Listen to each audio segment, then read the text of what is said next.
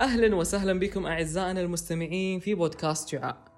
أنا علي وفي البداية حاب أبارك لكل الخريجين والخريجات وأقول لهم ألف مبروك التخرج. للأمانة حاس بشعور أغلبكم بحكم أن مرينا بهذه التجربة قبلكم وهي فترة تحديد التخصص وأيهم أنسب لنا وكيف مستقبلهم الوظيفي. ولهذا السبب أنشأنا نحن طلاب جامعة الملك فيصل. هذا البودكاست بهدف مساعدتكم وتسهيل اتخاذ القرار عليكم. في هذا البودكاست راح نتطرق لأغلب التخصصات ونحاول نبسطها بأفضل طريقة ممكنة. واليوم بإذن الله تعالى راح نتكلم عن أول تخصص معنا وهو تخصص التأمين وإدارة المخاطر. يندرج تحت كلية الأعمال ويهتم بدراسة المخاطر اللي تواجه الأفراد والمؤسسات وكيفية التعامل مع هذه المخاطر. والتأمين هو أبرز هذه الطرق ويتكون من عدة فروع مثل تأمين السيارات والتأمين الطبي والهندسي وغيرها الكثير. هذا التخصص تتم دراسته خلال أربع سنوات ومن ضمنها 126 ساعة تدريب. أما بالنسبة لنسب القبول فهي تعتمد على إذا ما كان الطالب أو الطالبة من داخل أو خارج المنطقة. فإذا الطالب من داخل المنطقة نسب القبول تبدأ من 78 فما فوق. أما إذا كان من خارجها فالنسبة تصير 85 وكذلك الطالبات. إذا كانت من داخل المنطقة فتبدأ النسبة من 86 أما إذا كانت من خارجها فالنسبة تصبح 88 أبرز المواد اللي ممكن تدرسها بالتخصص. أولها تأمين الممتلكات والمسؤولية.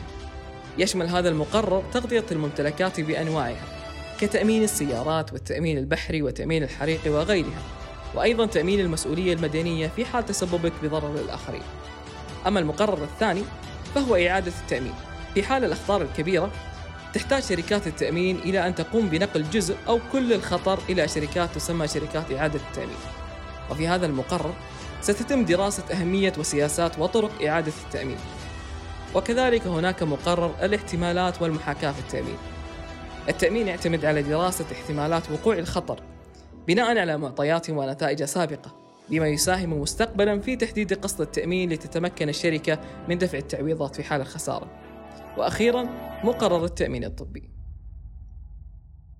والحين نجي للأهم واللي أغلبكم ينتظره وهي أماكن العمل. مبدئيا جميع شركات التأمين بأنواعها راح ترحب فيك وتستقبلك. كذلك عندك البنك المركزي السعودي وأيضا قسم إدارة المخاطر في إحدى الشركات أو البنوك وبإمكانك تكون مسؤول التأمين في الشركات العامة وتصير تدير وثائق التأمين الخاصة بالشركة. وأخيرا قسم الموافقات التأمينية في المستشفيات. أما مهامك الوظيفية بتكون إما في المبيعات كتسويق وثائق التأمين أو في الاكتتاب قبول أو رفض الخطر وتحديد قسط التأمين. وكذلك عندك المطالبات. تبحث عن مدى أحقية كل متضرر لاستلام التعويض أو دفعه في حال استحقاقه. أما إدارة المخاطر فهي دراسة جميع المخاطر سواء المالية أو التشغيلية وغيرها وتحديد الطريقة الأمثل للتعامل معها. المهارات اللي تحتاجها وراح تفيدك كثير في التخصص. هي اللغة الإنجليزية وإجادة استخدام برنامج الإكسل وتطوير مهارات التواصل مع الآخرين. ختاما أتمنى أكون وصلت لك صورة ونبذة عن التخصص وساعدتك في اتخاذ القرار. شكرا لاستماعك وألقاك إن شاء الله في تخصصات ثانية. فمان الله.